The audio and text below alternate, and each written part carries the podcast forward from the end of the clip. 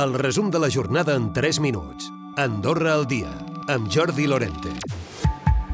El personal del Servei d'Immigració és el primer filtre per poder detectar documents falsos. És per això que amb la policia es formen contínuament per actualitzar-se a tots els nivells i detectar-los com més aviat millor. Aquí l'experiència hi juga un paper crucial. Davant una sospita, el cas passa a mans de la policia.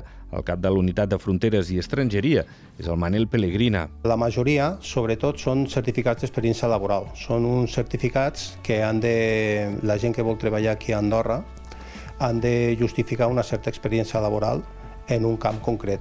De fet, els documents privats són clau perquè totes les dades siguin verificables. Pel que fa als documents públics, com els passaports, també hi ha diverses metodologies eh, per determinar si són eh, verídics o bé falsos. D'altra banda, expliquem que s'ha fet la primera jornada de la declaració de Maria Cosana en el judici de BPA. Ho fa com a exdirectora de l'Auditoria del Banc i, de fet, aquest dimarts també està previst que doni explicacions en qualitat d'excap de l'INAF quan BPA va ser intervingut transversalitat en el tractament dels drets dels menors d'edat. Així ho ha fet palès la representant del secretari general de les Nacions Unides sobre la violència envers els infants. És Najat Malà Amjid, que està de visita a Andorra. Ha celebrat, per cert, que les polítiques en matèria de menors d'edat englobin els ministeris de Salut, Educació i també Afers Socials. El Comú d'Escaldes en Gordany preveu començar a licitar les obres del nou caldeà abans de final d'any. Són uns treballs que aniran molt més enllà de l'anunciat hotel i implicaran renovar renovar una part de la infraestructura. Vista la situació, la idea és dividir les obres per fases i anar-les fent en un termini de 5 anys.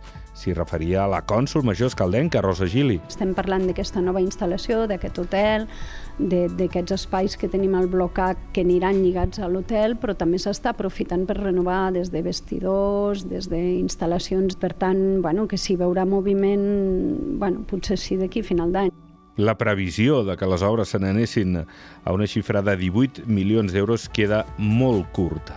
A Sant que celebra que arribi a les properes setmanes el registre de casos de càncer, com ha anunciat el cap de govern durant el cap de setmana. El president de l'associació, Josep Saràbia. Fins que no el tinguem a les mans eh, no, no estarem convençuts, eh, perquè hem tingut molt, molt sovint moltes, moltes coses que ens donaven i no, i no ens ha arribat.